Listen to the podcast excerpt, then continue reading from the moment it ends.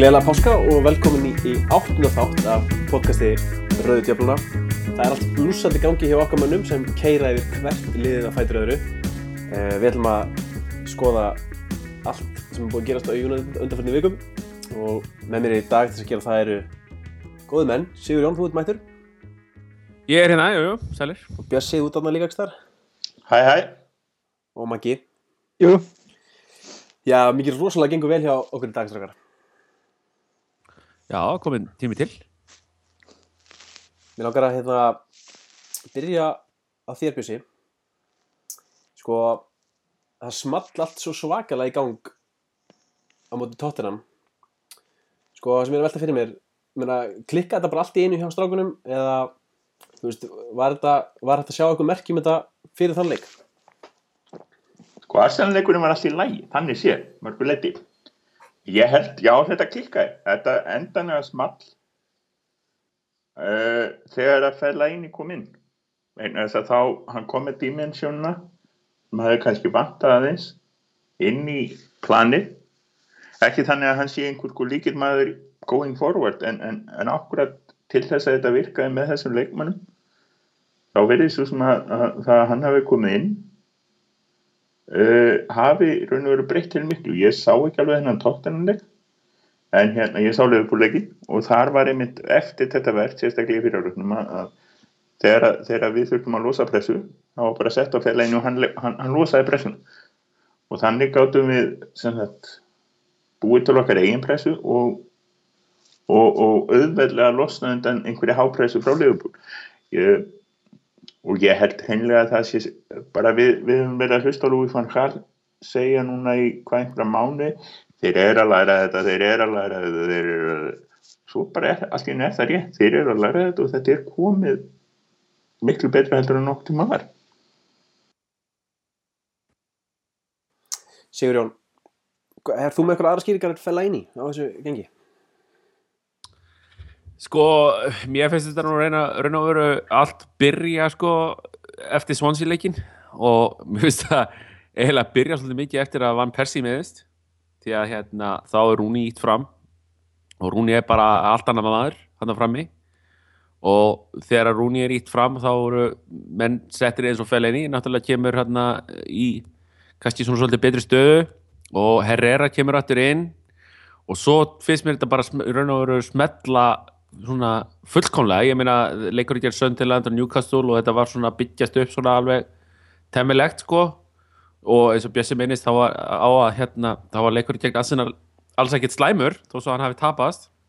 Og hérna og svo bara finnst mér eins og síðasta púslið að Mata kemur inn gegn Tottenham og þá í raun og veru er þetta bara uh, uh, sko það er það og svo bara einhvern veginn hvort að menn hafi hérna, það hafi verið svona svolítið blötu þoskur í andlitið að detta út úr FFB-garnum sem var virti svona svolítið vera eins og menn var að tala um að þetta væri kannski árið sko í, út af því að það voru allir dotnir, Chelsea voru dotnir út og City voru dotnir út og það var kannski svona nokkuð gott dauða færi ef að Arsenal-leikurinn myndi vinnast að það var ansi mikið dauða færi að vinna byggarni þá, þannig að þegar þeir dett út þar þá finnst mér að koma tilbaka bara að margfalt meiri krafti bara og hérna andlega sko, mest megnis og hérna og það er svona ennþá að halda sig menn eru, ég held að þessi hörkuleikju gegn Tottenham og svo sigurinn á Anfield það gefur bara gríðalegt búst og hérna og þannig að já, ég myndi segja það eiginlega andlegi þáttunum hafi verið stærstur að en ég myndi klárlega segja það að Rúni ítt fram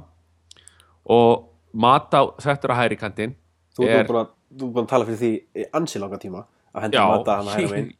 ég er búin að ég er búin að tala um það, mér fannst það svolítið fyndið þannig eftir hérna, ég man ekki hvort að hann sagði það Van Gaal eftir Tottenham-leikin eða eftir Liverpool-leikin að hann sé búin, að finna stöðuna fyrir mata og þú veist, ég er búin að vera að öskra síðan í sko september að, að hérna, að setja mata út á hæringandinn og hérna og ég finnst það bara frábært hann sem komið náttúrulega og hann er að sína nákvæmlega að hann geti spilaðar búin að vera frábær í þessu leikjum og hérna ég bara, ég vil sjá meira og ég er bara gríðarlega hérna spenntur fyrir komandi leikjum sko, svo stórir séu sko, þá er ég bara mjög, mjög bjart síðan á allt saman. Ok, við, við erum Kans, búin, kannski ef ég má skjóta eina sigurúni uh, finnst þér að vera að spila sem kallmaður eða það sem ég kallaði sko false left wing? Er hann ekki að detta svo rosalega mikið inn að hann er sko, og það er eiginlega það sem er að gera þetta svo effektíft hjá honum?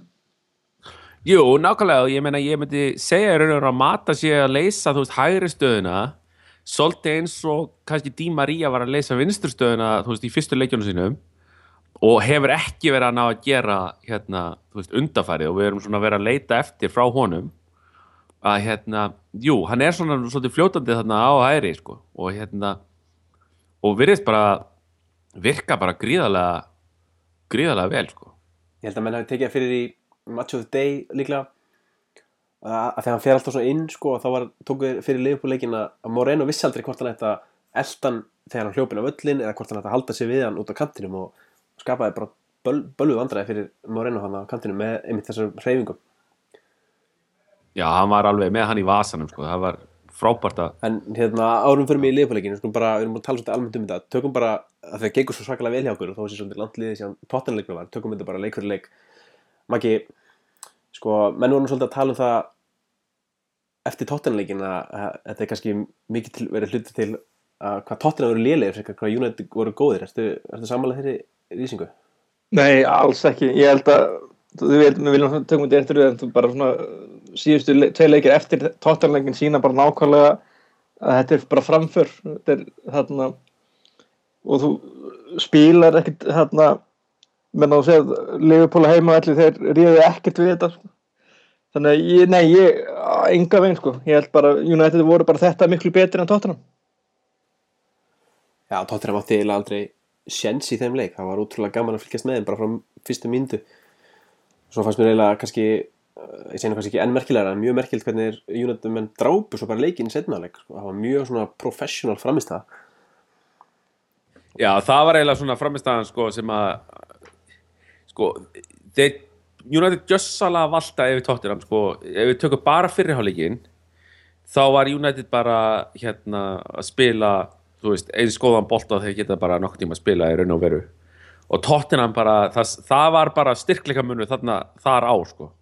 Og með geta að tala um það að tóttinam eitthvað hef ekki verið að spila vel, ég er gjössalega ósámála því. En í setni háleik þá voru United búinir að keira svo hrikalega yfir þá að þeir hérna, þú veist, þá fengur meira pláss til að spila boltarum og eitthvað svona en þeir bara voru að gefa, þú veist hörmulega sendingar og stjóta langt framhjá og reyna, reyna langskot þannig að í setni hálfleik voru þeir veist, ég myndi segja það, veist, þetta voru svona eins og boksari sem var búið að slá í rót sko, bara í öðru annari lótu sko.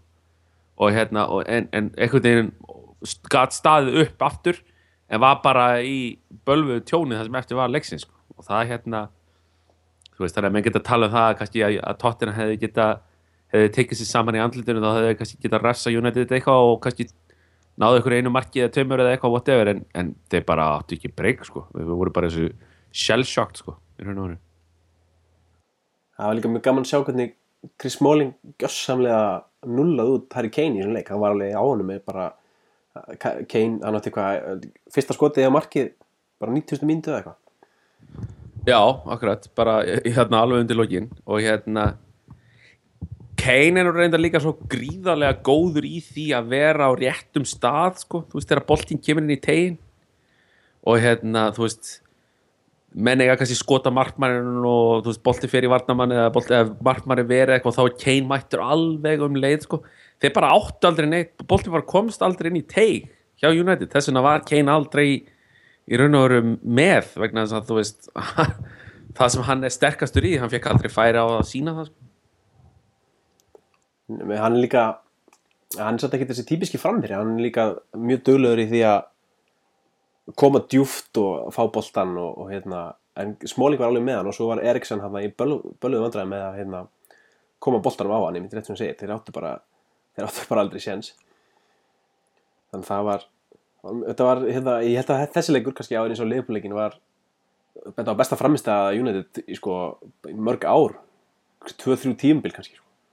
sem segir nú ímislegt um alveg, alveg klálega alveg klálega En ég sá ekki, ég sá ekki fyrirháleikin gegn Tottenham, eða ég kom hann einhvern tímann inn í setnáleikin, en ég spyr var fyrirháleikurinn mútið Tottenham betur en fyrirháleikurinn mútið Liverpool? að mínum að því já. Ég meina fyrir hálfleikurinn fyrri hálfleikar í gegn, gegn Tottenham er held ég besti fótbolti sem ég hef séð liðið spila sí- síðan ég man. Ég reyndar sagði það eftir leikin þar sko að það væri besti fótbolti sem ég hef séð United spila síðan þeir unnu Arsenal og Old Trafford. Veist, það, það var reyndar ekkert eitthvað sko þe- þeir unnu Arsenal náttúrulega Old Trafford hérna bara 1-0 þarna í desember þegar Moyes var með liði en þú veist, ekki það að United hafi eitthvað verið að yfirspila Arsenal eða neitt svoleiðis þar.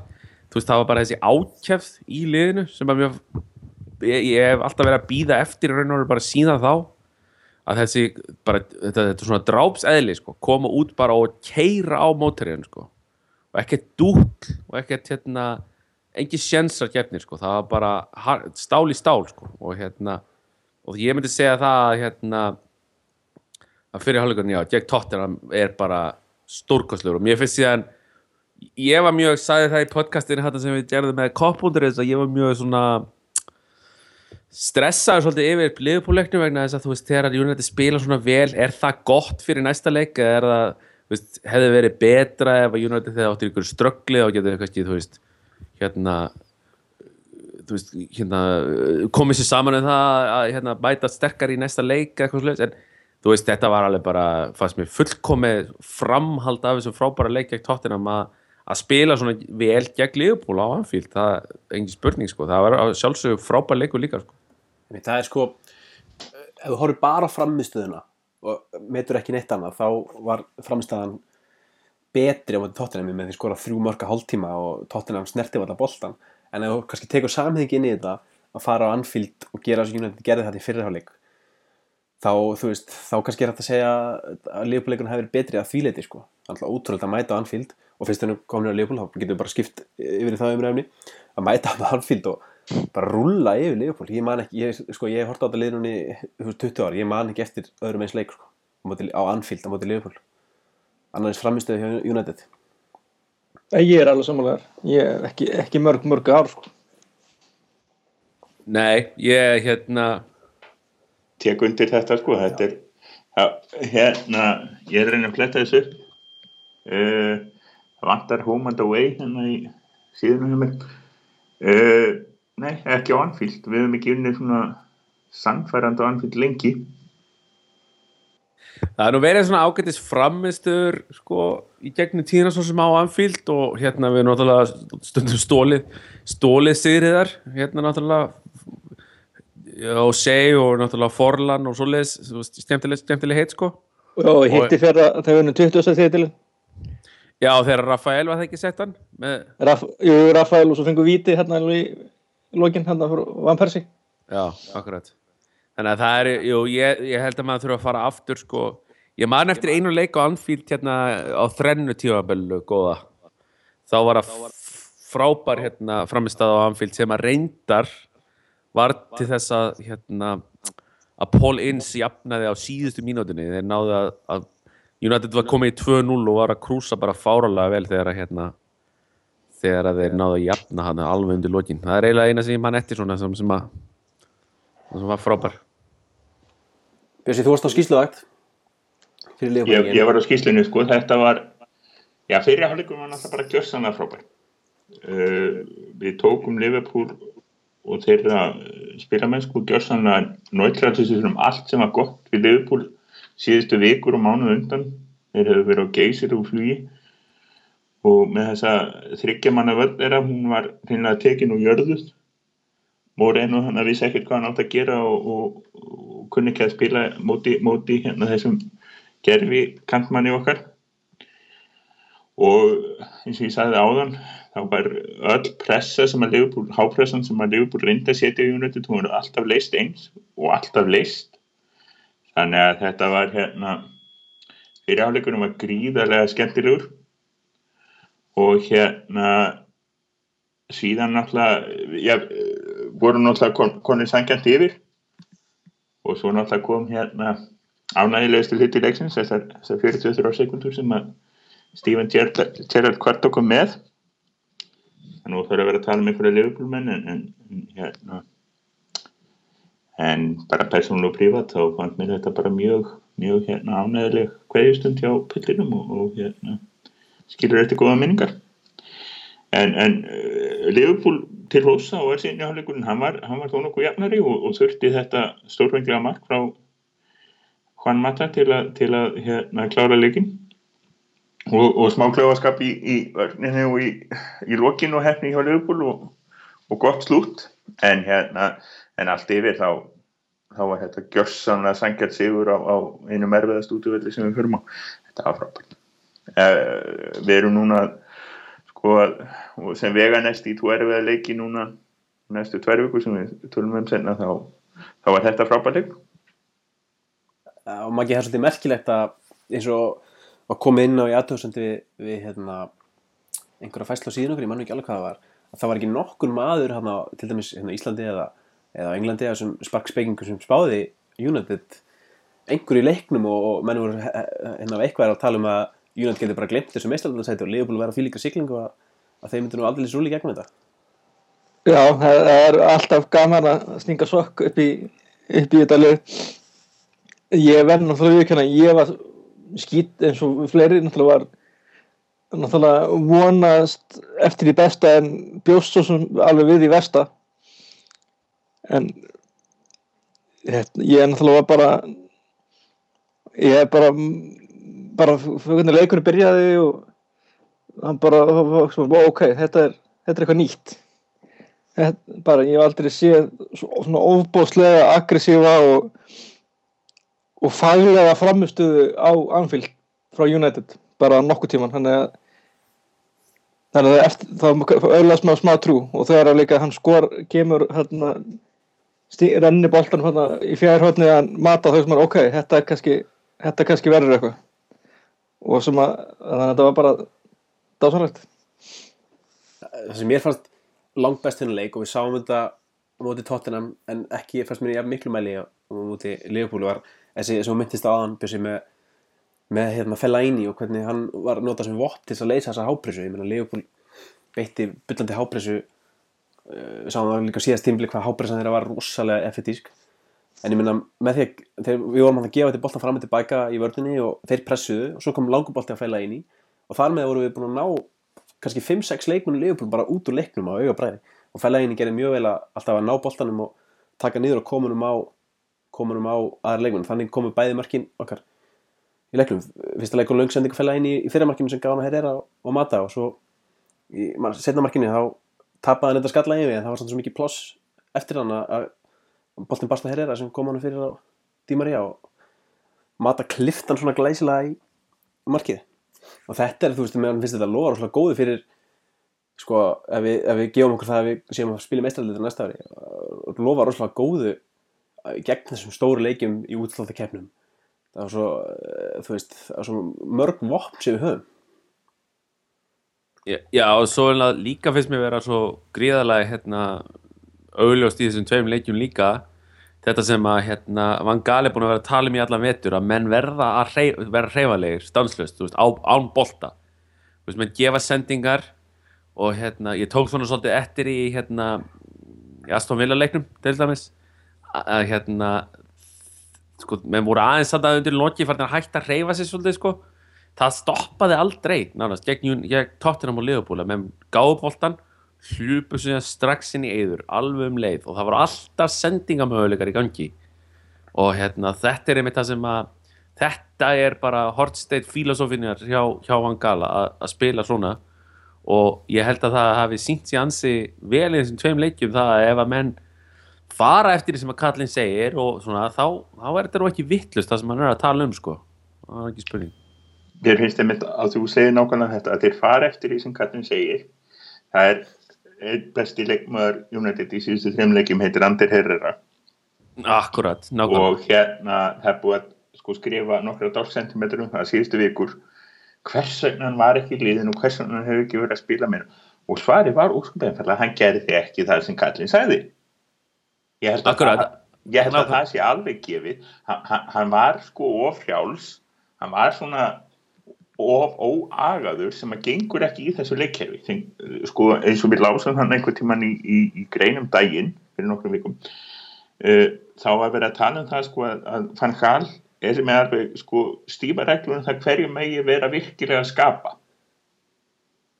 Og ef þú ert ekki einn af þeim þá áttu að vera að vinna og, og Herrer er að fara að vinna núna og hann fær, og það sem gerist á sjálfkræmi eiginlega, þá fær hann samt færi. Og ef þú fær færin þó þú sért ekki skilgreitur skapandi leikmaður, þá náttúrulega máttu klára þau. Og maður gera eitthvað við þau. Þannig að það sem hefur gæst er það að Herrer er fann að hlýða fann gal í einu öllu. Og samt vera sko, samt geta spilað eins og hann á að gera. Fyrir vikið er hann komið sjö mörg núna í, í vetur, fimm í dild og hérna, ég man ekki hvernig það var það, ég held að það veri einhver tíu mörg í einhverjum, á einhverjum þremur sísónu hjá hérna Bilbao, á hann kom sko þannig að hérna, hann er að skora miklu meira. Og ég meina þegar endaði að kallin kissir því í hálfleik þá er þetta að gera eitthvað rétt. Sko, Van Gaali mitt sagði það núna eftir Aston Villa leikin, strax í viðtali. Hann orðaði nákvæmlega svona hann sagði ég er mjög ánægð með það að sjá Herrera loksi spila sem 60 metra miðjumann. Þannig orðaði hann það. Og það er akkurat, þú veist, hann vill hann hafa 10 metra inn á sínum vallarhermingi þar vill hann láta Herrera spila. Og þegar hann saði þetta þá hugsaði með mér já, það er náttúrulega nákvæmlega, þú veist, áður hann var, áður hann var kift út úr liðinu þarna á tímanbili þá var hann alltaf að spila sem 45, þú veist 40 til 30, eða sko, segjum 35 til 45 metra miðjumæður og það er þessir, virðist vera þessi 15-20 metra sem að voru bara skildu, skildu þetta að í augum, augum hérna Van Gaal. Og svo þegar núna hann er að spila eins og hann á að spila þá er, og hann er að spila frábælega og eins og þú segir, hann er líka slútt af færunum sem hann fær og þú veist þetta e, það geti ekki verið betra sko. Bara vona hann haldi þessu eins lengi og hægt er sko. þá er þetta akkurat miðumæður sem okkur vantar svo lengi sko. Það er nefnilega svolítið gaman að þessu en þannig að sjáum við leikmann sem hefur hæfileika og hefur aðlugunarhefnina en þess að það er svo oft sem að leikmenn hafa það ekki. Þeir, þeir sko þeim er sagt sko, þjálfarinn er maðurinn, hann segir þér hvað þú átt að spila og þá spilar þú þar. Og ef þú getur ekki spilað þá ertu tekin út úr liðinu. En þannig að segja hann bara, herriða hann bara buckle down og ok, þá bara finn ég út úr því hvernig ég á að spila. Kemur inn í lið, spilar hann svona á að spila og hann bara er, hann er hann hálfur kongur hann á miðinu, finnst mér sko mér finnst þetta eh, það, ég held að þessi óþörf að vera að tala eitthvað mikið hvernig við ætlum að spila á næst ári en þess að ég held að verði einhverjar ein, tvær viðbætur sem getur skipt heilmiklu máli en, en ég held að hann er þið flottur í, Evrópu, í hérna, League Það hjálpar hann líka náttúrulega og öllu liðinu að hafa karrigan fyrir aftan til að svípa upp þegar menn er út úr stöðu. Náttúrulega endur koma hans er ótrúlega góð en það með Herrera þá hérna hann náttúrulega hefur talsverð reynslu þrátt fyrir að vera kynum okkar 25 ára. Hann hérna hann hefur spilað allar þessar stöður á miðinu hann er bæði verið djúpu miðumar og líka verið í hólunni hann, hann svona hann er svo rosalega alliða bara hann er á góður leið með að vera uppáðsleikmaður held ég ansi margra sem horfa United vikulega. Svo að minnist að Karrik er alveg hérna svo augljóst fyrir augum allra hversu gríðarlega mikilvægur hann er í sínu hlutverki að loka á veist, hlaupaleðir og svo framvegis og sendingaleðir hjá anstæðinum og en hann er náttúrulega orðin 33 ára gamall þannig að ég held að hérna í sumar verði ansi hérna mikilvægt að reyna að ná í eitthvað varnamann eða hérna miðjumann segi ég sem sem er að svipu Kalibir og Karik og spilar svipa á Karik ég, ég, það þarf eitthvað við þurfum að fara að pæla í einhverju backupi fyrir, fyrir, fyrir kallinn sko, held ég Svo leiðis leikmaður kostar 50 kúlur. Já, ég sé borga það, ég er með það á mér maður. Já, þetta er, heyrðu, ég flett upp Ferreira, hann var með 7 mörg í 90 okkar leikjum fyrir Bilba og 6 í 82 hjá Saragossa.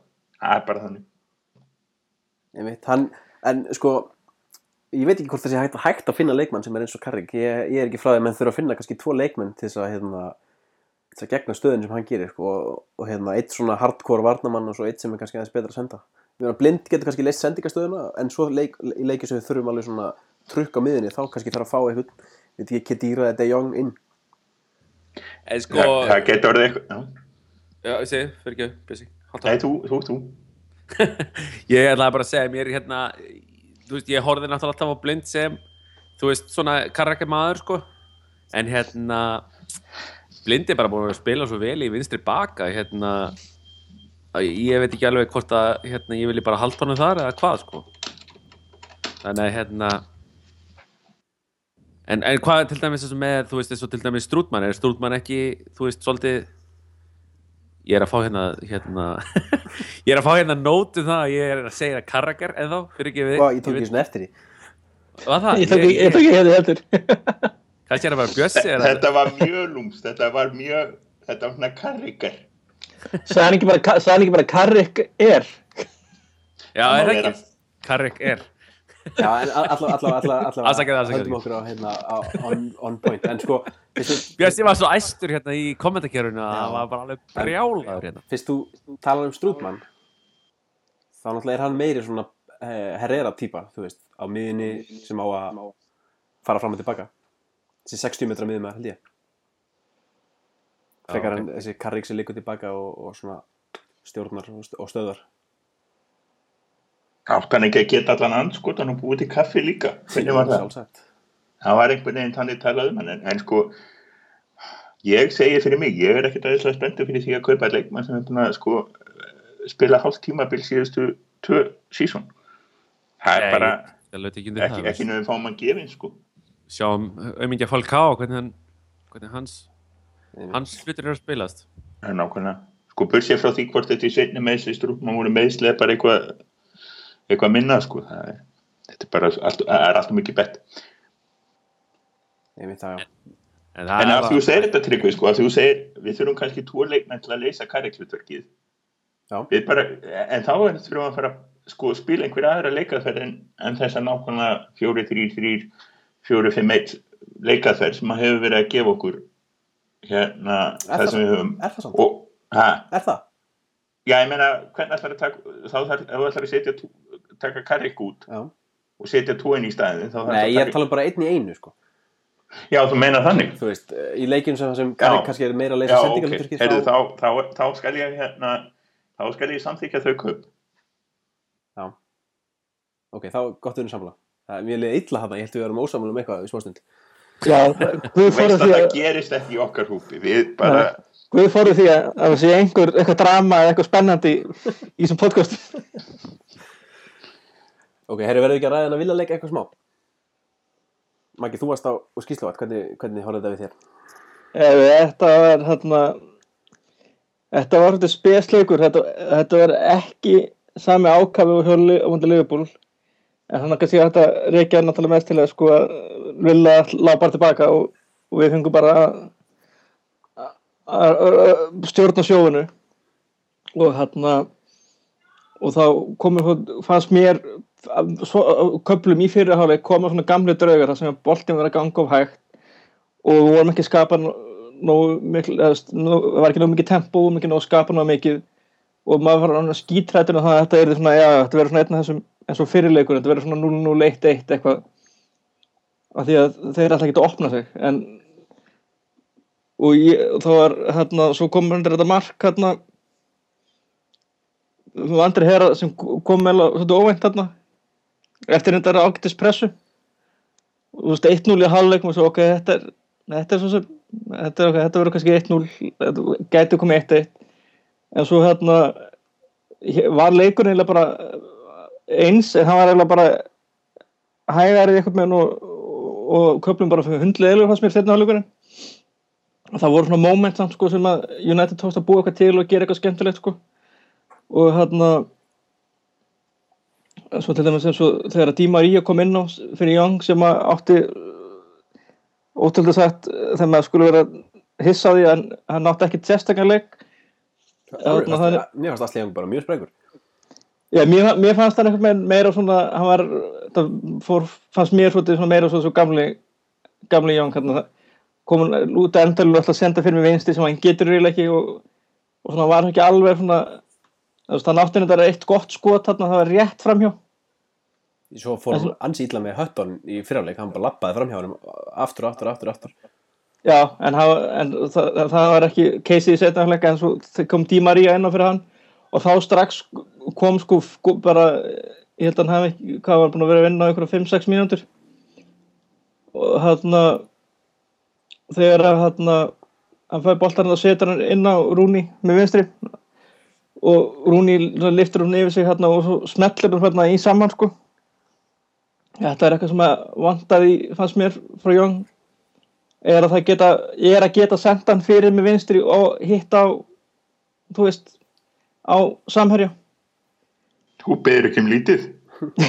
Nei, ég, ég veit það, ég, ma- maður er svak, svakalega kröfuhafur sko, kröfuhafur og hérna, en svo eftir þetta, maður, ok, þetta, þetta verður ok, en svo hérna kemur hérna sóknar Aston Villa sem voru ekki búin að vera fyrir utan kannski örfár skyndisáttir fyrir ekki búin að vera hættulegir, kemur þetta skot beint á DHA sem missir hérna millifótara, einstaklega klunulegt, þetta var svona þetta er eitthvað sem að bjóst við sko frá DGA fyrir 2-3 árum.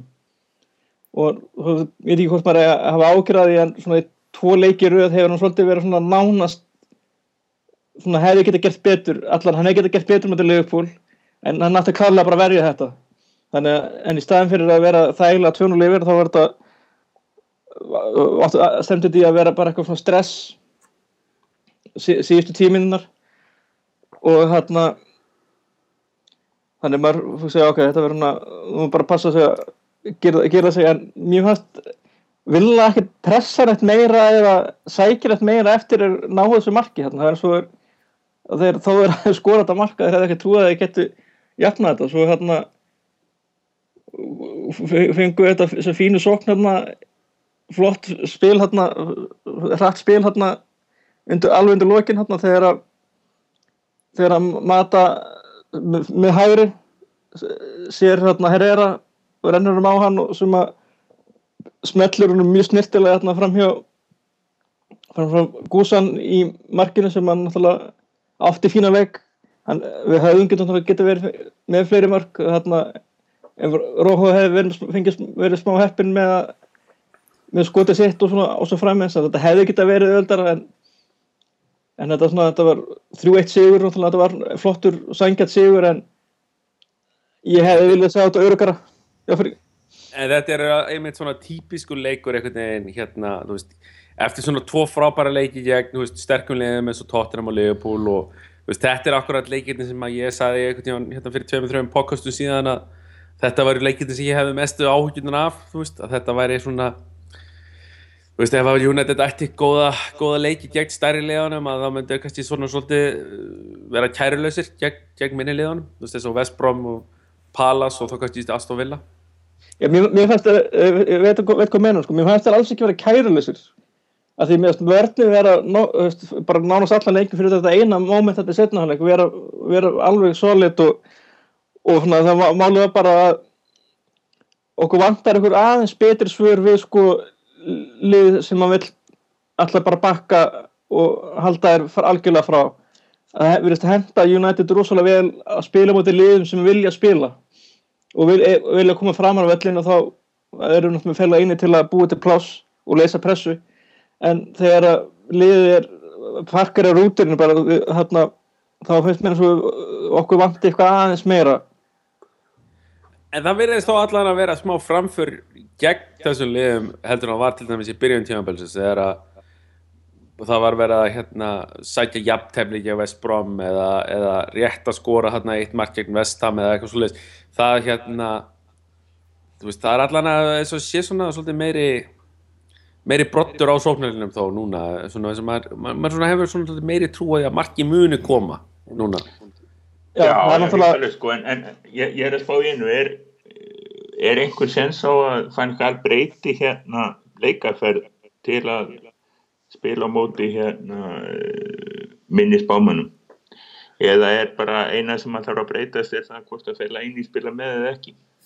Sko, ég veit, ég, mér nefnilega fannst liðið bara að leysa ágætlega þess að það að Aston Villa vildi ekkert sækja þannig að við spilum mjög hratt við komumst oft, mjög oft á bakvið bakverðina hér komumst oft í virkilega fína stöður á, á hérna á köntunum og, og, og sko, minna ég alveg rétt að við höfum haft lendi í bullandi vandræði með þessi lið sem vilja bara sækja tilbaka en í þessu leik fannst mér við bara leysa það ágætlega. Og ég held að það tengist líka bara mennur frá að spila miklu hraðar á milli sín mennur frá að reyfa sér miklu meira frá að taka þóra að taka áhættu með boltan og sko þessi hérna ég held að svolítið líkildin þessu sé þessi hægri á yngur hjá okkur.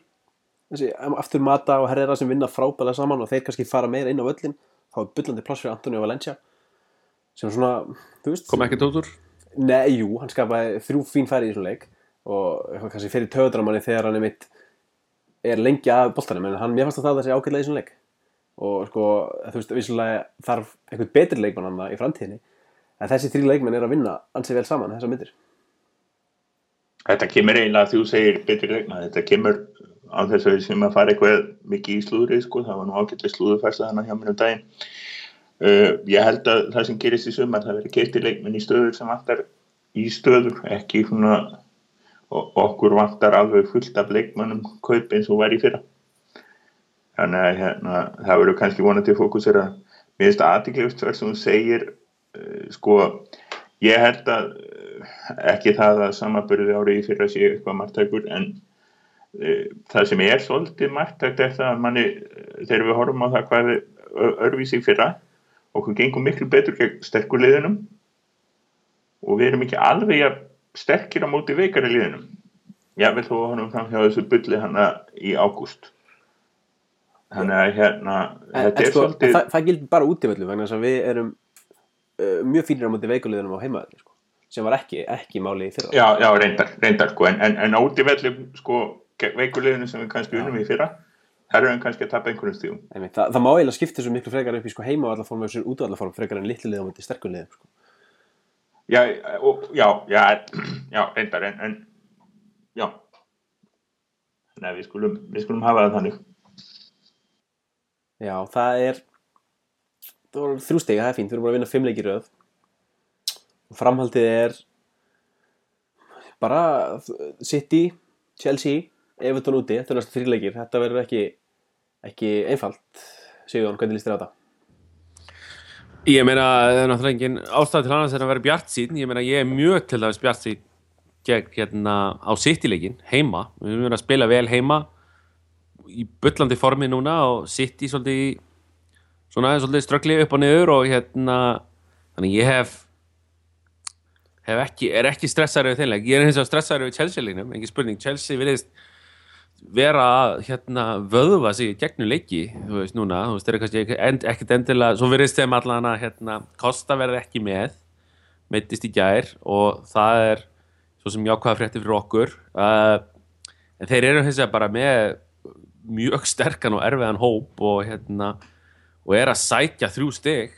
Þú veist, alveg bara trekk í og trekk. Óni er að koma inn og skora mörg þegar hann kemur inn fyrir Kosta, Kosta þannig að þetta er ekkit þannig að þetta verður erfitt eins og segir Byrgjur hver, hver segir, Remi, Bóni? Remi, Remi, Já, fyrir ekki, já, ég var að menna, var að, var að menna þeir eru þetta er keimlík Þú- nöfn já, það ke- kem, það, þeir eru komin með svipa hárstíl eða ekki? og Já. þú öllum mönnum hefur kannski ekki alveg efnað því að vera setja út á menn að nefna villis nöfnina Ég meina, Karrak, Karrak er að spila frábælega fyrir okkur.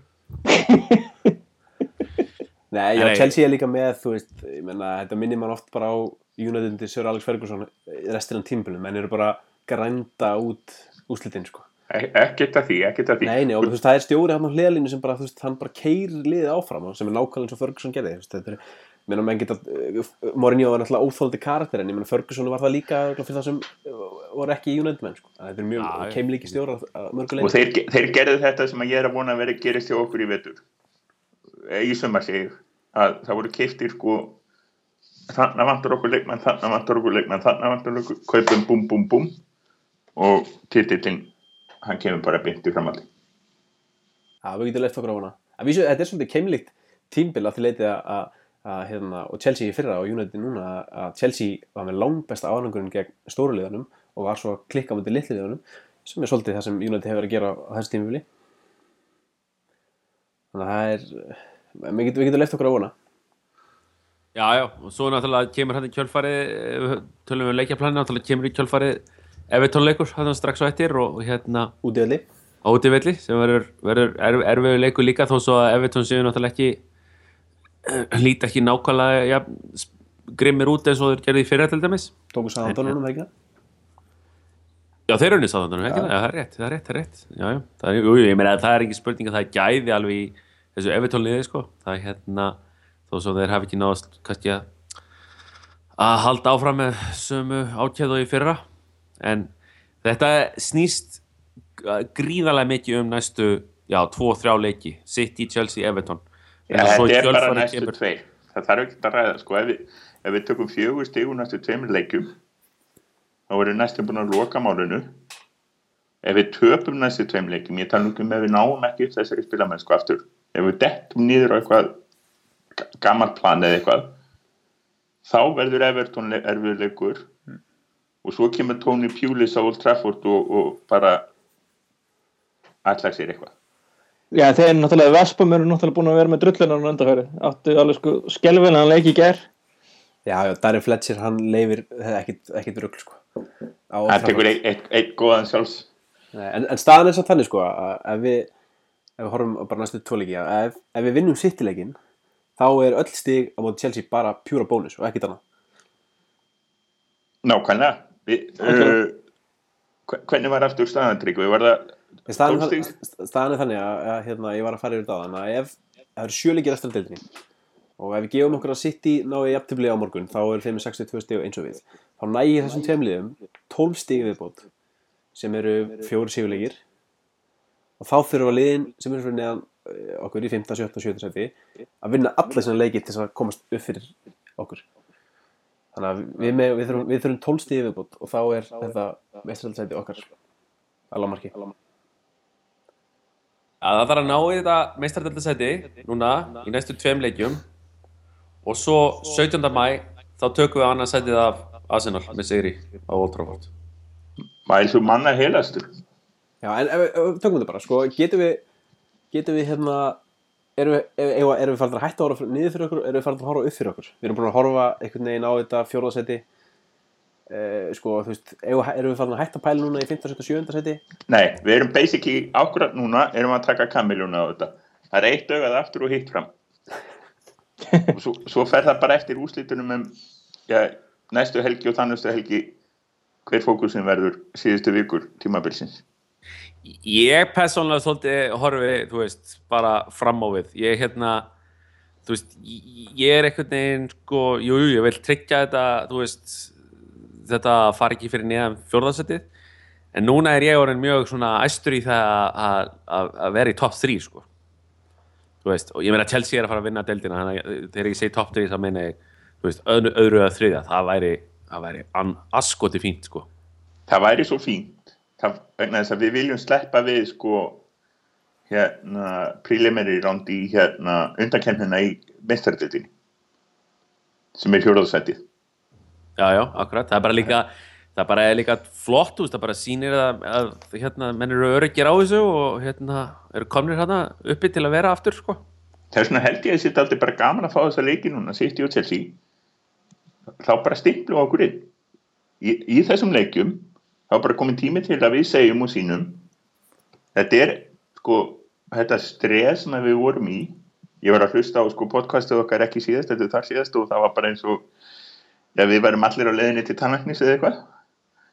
Og hérna það er bara komin tími. Þessi leikir þannig getum við bara hreinlega liðið sagt stimpla sig inn.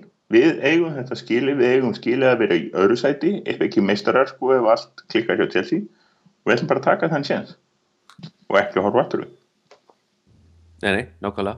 En það sko, minna, sko stigla sér, ef við, ef við tökum, þú veist, við, við vorum að tala um þetta held ég í, manni hvort það var síðasta podcast eða, eða Leopold sem gerum Koppundris podcastinu, að þú veist, ef við tökum út, ef, við- ef tímbli hefst þegar leikmannagluggaðin lokaði, þá erum við United bara stigla sér í meistara formi, sko.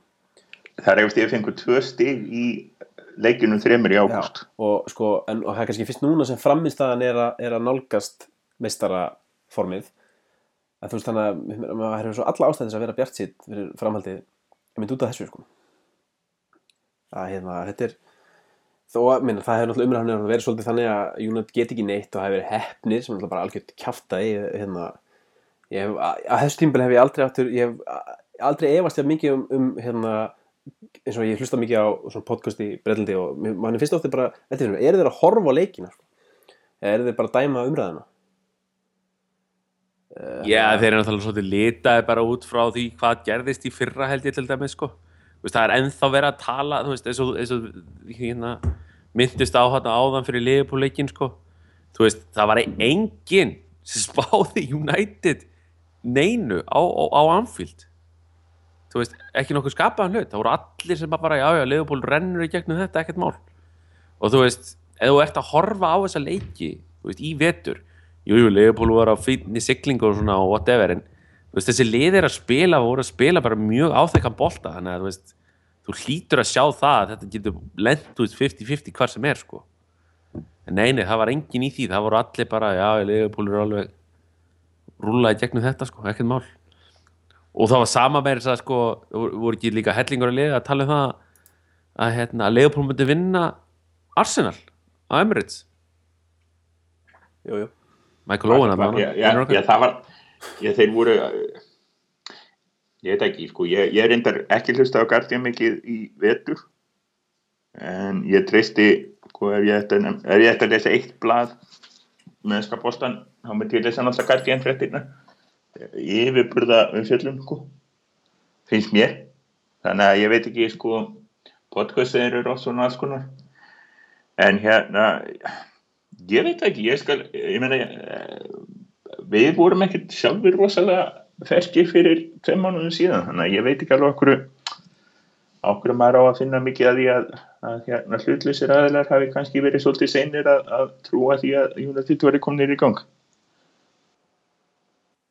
Nei, en mér fannst alltaf umræða, þú veist, það var alltaf að tala um þessa heppni að United verður svo svaklega heppið sem er algjörlega ekki svo mynd sem ég fæði ég horfi, eða horfði á leikina þessu tímbili, jújú, kannski einhverju eins og Arsenal og Southampton úti, jújú, ok, kannski var það heppni, en í meir hluta leikinum hefur United verið talsvert betri aðlinn Ég meina, þú, þú ert ekki heppin heilt tímabil, það er bara ekki hægt.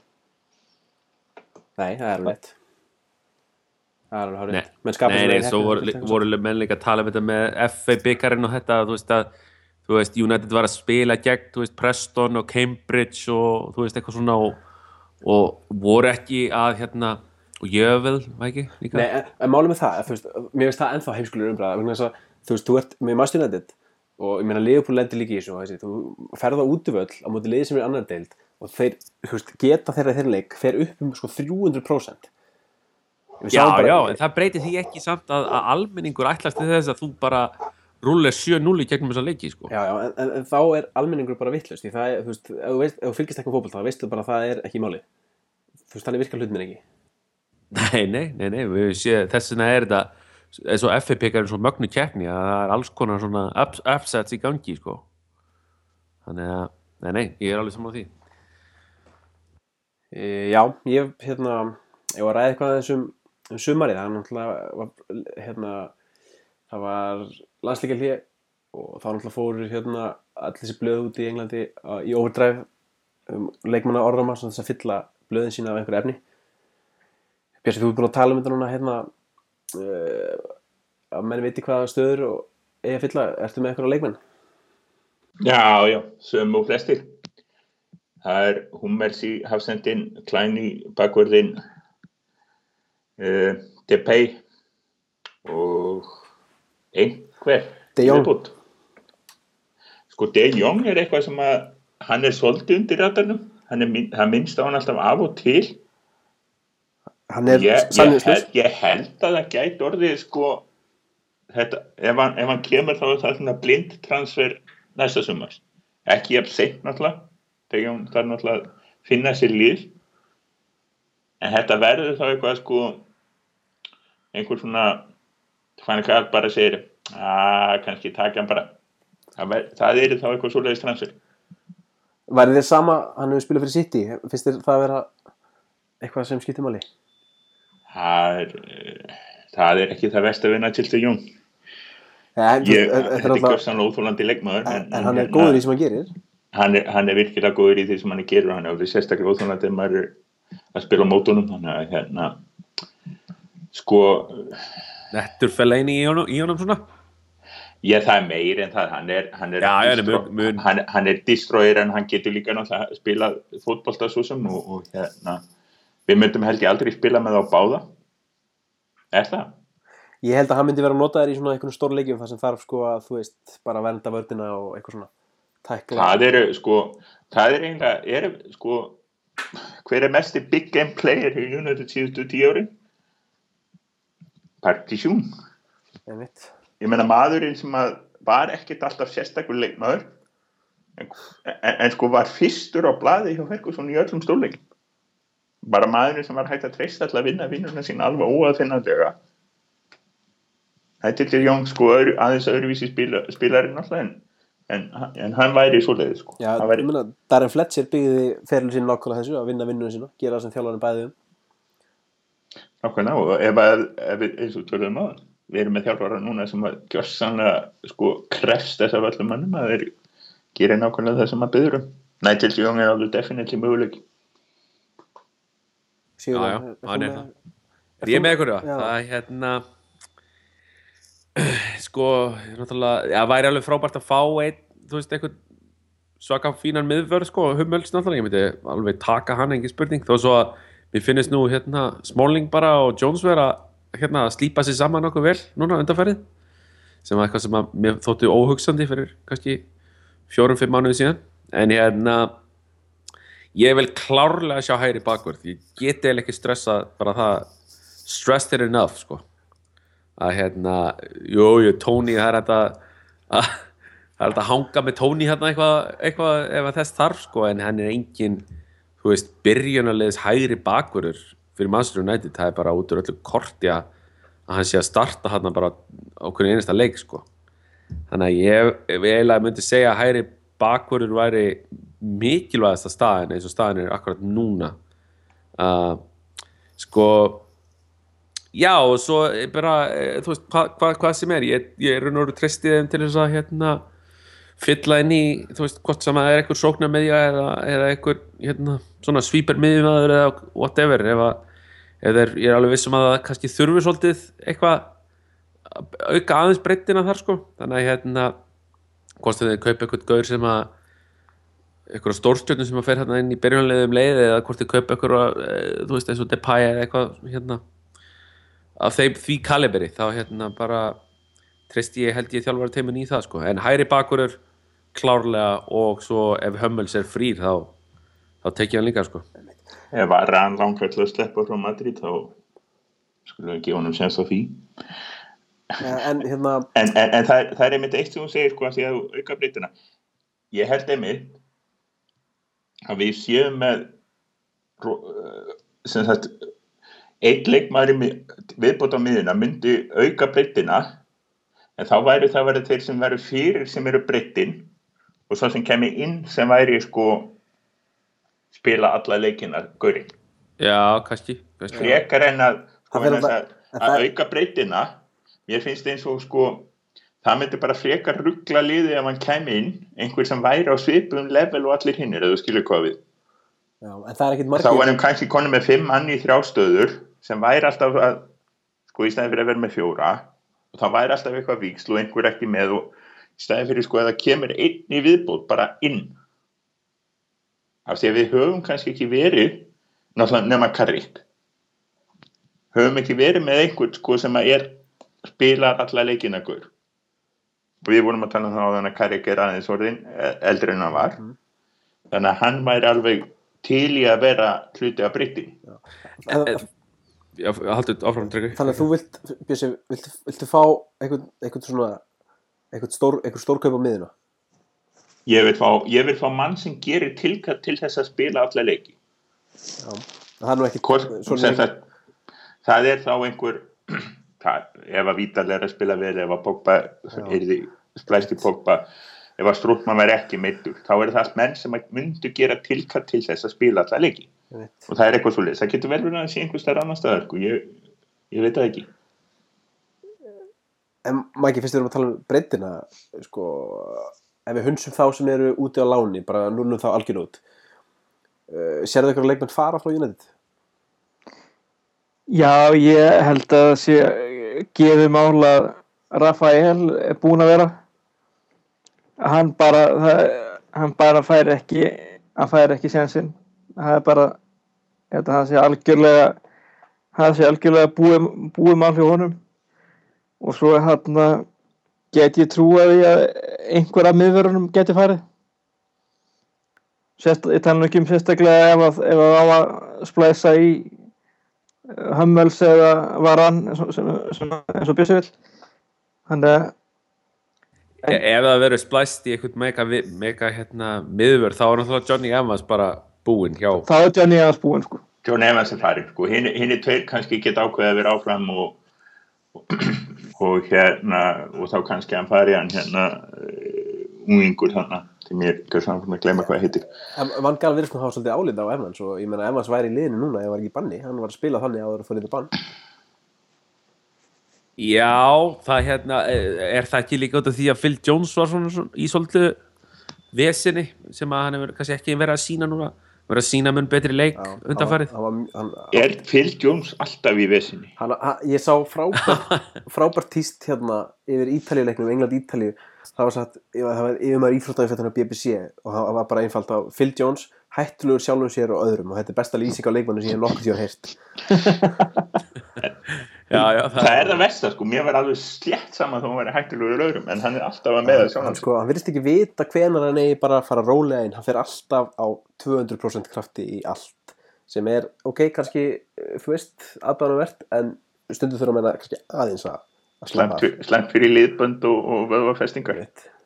En var ekki hérna ba- var ekki hérna Brian Robson svolítið í því að mega alltaf hérna til að byrja með og svo úrst það árum Nei, helst- hann held, hann held í áfram til döðadags það var ekki, ekki fyrir að hann var eiginlega hættur að spila hann hætti að meðast. En það, það er, við kannski förum að ljúka þessu, það er eitt sem ég langar að koma að. Ég hef soldar áhyggjur af sumurinu að því leiti að ég, ég er alltaf svolítið smeykur við hann Ed Woodward, ég held að hann sé svolítið meira við hugan að kaupa, hann hefur sagt að hann vilji fá þessar Galacticos stjörnur sko, og ég held að hann hafi verið svolítið maðurinn á baku Di Maria og Falcao frekar og ég er svolítið stressaði fyrir því að hann muni svolítið svona taka völdin í sumar og, splæsi Cavani og eitthvað svona borga 40-50 miljonir punta fyrir leikmenn sem eru kannski ekki alveg þess virði. Ég held að það er eftir í við end ef við náum sko öðru sætinu og, og náum þokkalegu, þokkalegu display svona úr tímbil þá held ég að að, að Van Gaal fái nokkuð með alveg að ráði en þetta verður eitthvað tæft og lendum í fjórða og á markatölu eða þá geti hann frestast til að þú veist að að hendi í einhverjum galin kaup annars hef ég ekkert fyrir mér í því sko en það er bara svo mjög grunar Þessi? Þetta er svolítið spennandi vegna þess að ég var að, það var hérna, það er ekki alltaf sem maður sér og skemmtilega tíssamræður sem verða spennandi. Hérna, ég sá einar slíkar í gerðið fyrir þetta. Philip de Bruyne, eða Malakians eins og hann kallar sig þann á Twitter og, og hann hérna, hann hérna, Marcotti fór að spjalla saman um, um Woodwardið mitt. Og hérna Philip de Bruyne fyrir það sem ekki vita er, er hérna útvarsmaður í held ég Los Angeles frekar en San Francisco. En veit alveg skratti mikið um United og er með einhverjar hann er svolítið velstengurinn í félagið og hefur verið með svona þokkalega góða fréttir aldrei neinn ægileg skúp náttúrulega frekar nærir en það er greina einhverju sem tala við hann og honum finnst útvart hafa bara staðið sér vel í fyrra. Og Gabriel Marcotti fannst það ekki og það úr var svona alls konar umræðum þetta. Uh, eitt sem að mér finnst rosalega spennandi að gerast núna akkurat núna er hvað er að gerast með hérna Jorge Mendes. Uh, Jorge Mendes er hættur að elska United. Hann var þangað til að við kaupum Falcao og borgunum skrfa siljónir punta og hérna bussið frá því hvað vandamál það skapar í öftustu stöðu vallaninn sem ég ætla ekki að nefna frekar þá væri það svolítið fróðlegt en þess að ég er held að Woodward hafi einmitt treyst aldrei vel á Mendes í það að skaffa sér leikminn Falka átt í Maria til dæmis. Rojo, var hann ekki, hann ekki og, og Rocco held ég líka hann hafi verið Mendes maður líka sko. Það er djöfullega hættulegt eh, sko þetta er bara eins og þegar einhver innkaupa stefna í fyrirtæki byggir alveg á því að, að, að hérna að innkaupastjórin og, og hérna einhver, sörumæður séu, séu sko æsku vinir og hérna ég held að það er ekkert óspennandi þó að hérna þó að, þó að hérna Woodward og Mendes eru ekki alveg bestu vinnir í sumar. Þá er bara fyrir hvort að Woodward næra hérna heilla Ræjóla upp úr skónum og fá Pogba og hérna Lukaku. Mjög skemmtil mjög skemmtil um hann hjá einmitt núna hann var að taka við Lukaku. Já, hann er búin að pimpa hann upp alveg svakalega. Og byrjar á því að segja að hann væri sko ekki að spila þegar hefur tóna ég fengi að ráða Já, en sko, ég, ég hef áhyggjur af þessu að því leiti, þannig að, ok, mér er svo sem nokkuð sama þó að menn yfirborgi fyrir einn og einn leikmann eins og hljóðmenn getur saman um það að Di Maria er ekkert endilega 60 mínu punta virði. En ef menn er að gera þetta sko trekk í trekk að kaupa alltaf leikmenn sem eru ekki alveg nógu góður fyrir alltaf mikið pening, menn við sjáum bara gera það fyrir hvað, hvað, þrjú fjör ár síðan þegar keftu Karl og Downing og svona kalla á 30 milli punta sem stóðu enga við undir því og veist, ef það gerist aftur og aftur og aftur þá er liðið bara dæmt í einhverja svona meðamennsku Já, en ég, samt, ég myndi samt ekki beða saman Di Maria og Downing og, Nei, ég er ekki, ég er ekki, ég er ekki bera það saman Ég er bara að segja, En, bara, en ég, skil, skil, skil mér Já, það, það er uh, góða punktur. Ef, kaupstafn er þannig að menn hugsi bara, já, hvað er auðvelt að fá, skilur við uh, Sko ég held að sé alveg hægt að vera sammála það að við yfirborguðum fyrir Di Maria sérstaklega með til til þess að við vorum eina liðið sem gætt kittan við sko yfirborguðum fyrir blind alveg klárlega. Nei, það ekki. ha, já sko við hefum getað fengið hann út í reyri Er það, hvernig þá? já bara hardball. Ekki, ekki miða við hvernig stu, í hvaða stöðu United var að virkilega þurfa leikmenn og bara umræðan sem var í gangi kannski með að að við vorum aðeins og seinir í það. Ég held samt að það hafi verið eins og við höfum spjallað um áður, blokkaðum og talaðum uh, blind var bakhundin sko. blind var maðurinn sem að við vissum alltaf við getum fengið. Og hérna Frankal viss alltaf hann geti fengið og svo þegar við fengum ekki kannski eitthvað annað þá var hann tekin á síðustu stundu þannig að ok, við, við borguðum aðeins fyrir hann. Frekar en ef við keift hann sko uh, fimm vikum fyrir þá hefum við fengið 15, borgað 15 fyrir hann ekki 20 við borguðum aðeins fyrir Herrera og við borguðum líklega aðeins fyrir sjó en það er enskilskattur En sko, við náttúrulega yfirborgum aldrei fyrir Herrera vegna þess að hann kostaði bara, þú veist, þú dílar ekkert við Bilbao Nei, það- reyndar, kannski Þeir selja bara ekkert, sko. Annað Ég hvort- var- ég var borgar að gleymir sjá eitt transfer í sumar. Það sem við erum að borga sensible price. Við erum aldrei að fara að borga undirborga. Við erum United, við, við, við mannum alltaf þurfa að borga þykra félaga skatt sko. en ég, ég það er svo lítið pyrrandi að horfa hennar madritinga sko, fá alla þá leikmenn sem ég vilja á sko kanil svo lítið pyrrandi, ég er alveg til í að sjá einn, sko, mér, mér er alveg sama hvort það eru 5 miljónum mikið, 10 miljónum mikið þá getum við bara að hafa okkur 5 miljónum mikið ok, svo býr, en ég var alveg til í að sjá einn og einn leikmann bara fara á okkarlegu verði.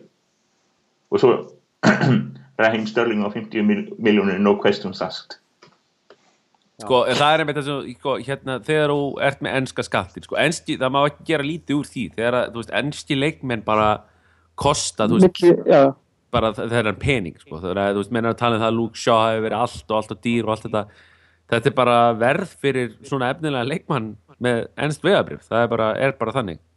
En annars langar mig til þess að hérna, minnast á, ég meina þú veist, einhver kaupstefna United ég meina ef við horfum, ef horfum að þá menn sem voru keftir og svo framvegist þá er í raun og veru meikar öll þessi kaup alveg sens nema Falcao, Falcao var keftur svona út af virðist vera út af því hann var bara á lausu og hann er risa stjarna og menn heldur hann ætla að fara að skora 30 mörg í vetur og, og svo framvegs þó sem hafum við ekkert þurftan en ég meina blind hefur sanna sig sem, sem góð kaup og Herrera hefur sanna sig sem góð kaup. Þú veist fyrir það sem þurfti og Di Maria þú veist við vorum átt okkur á því að Di Maria var keftur inn fyrir þú veist, Ashley Young sko í stöðuna hans Ashley Young í raun og veru.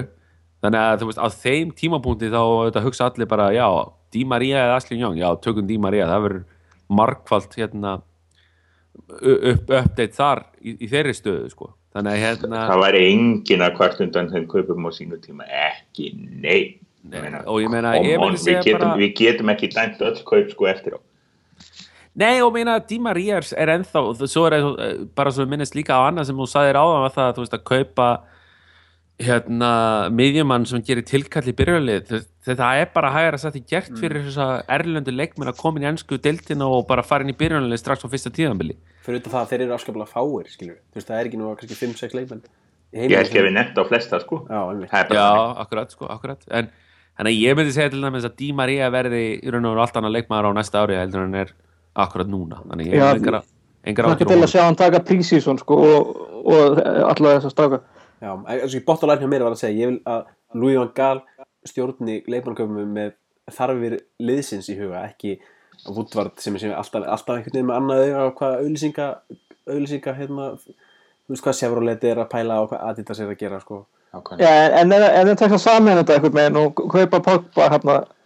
Þá ætti hann að geta fullnægt þá ætti að slá tvær flugur í einu höggi Já, það er Já, e, það er, það er já, já. eitt sem ég myndist á hana í þessu Twitter-spjalli sínu að, að, að sko Frank Hall hefur yfirleitt alltaf haft sko yfirmann einmitt, einmitt, og þess vegna sko, ég held nefnilega að hann treysti svolítið Ed Woodward sko.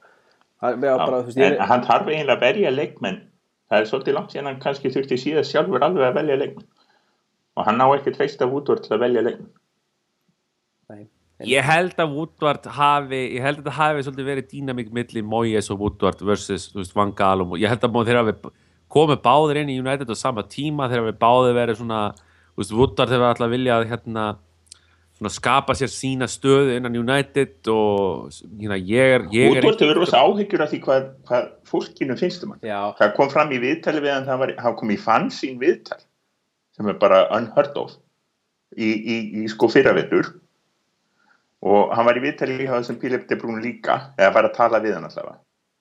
Og hann hefur rosa áhyggjur hvað, hvað sko, og það er held ég hluti af þessu Galacticos pælingum hjá hann, hann, hann vill sko hann vill að stöðningsmenni hvort sem þeir eru á Old Trafford eða í Malasíu fá einhvern svona Di Maria típu til að dá vegna þess að núna seldi Di Maria fleiri treyjur heldur en nokkur annan það er held ég það sem að drífur hann svolítið áfram og ef að- hann getur temprað það aðeins á hann gæti hann orðið góður En ég held einmitt að það sé akkurat að að Van Gaal sé, þú veist, maðurinn sem að hafi tempraðan. Ég held, ég hef ekki tóðið smiklar áhyggjur á Woodward núna eins og, hann, eins og ég hafði áhyggjur af honum, þú veist, með Moyes, þú veist, hérna, his Moyes- drinking body eða eitthvað, sko. Moyes hefur líka sagt að sko, þú veist, hann bjóst hún, hún var sagt að Ronaldo og, og Bale og allir þessi kallar væri að koma sko. þannig að þú veist, Woodward hefur uh, kannski lofað þessu upp í erminu á sér. En varandi Vangal og Woodward að munið ekki í janúar þegar Woodward var nei, í desember, Woodward var að tala um að United ættir aftur var hann að tala um að United ætti mikið pening og myndur aldils fara að kaupa. Og Louis Van Gaal hraunaði aldils yfir hann á okkur blaðamannfundi eftir það og síðan hefur ekki hirt píp frá Woodward nánast ofnbælega þannig að maður er svona vonar að Wood- Van Gaal tempra hann aðeins sko. Já, ég held að við höfum séð nægilega mikið af Van Gaal til að, til að átt okkur á því að hann, það er, það er klárlega að gerast, sko.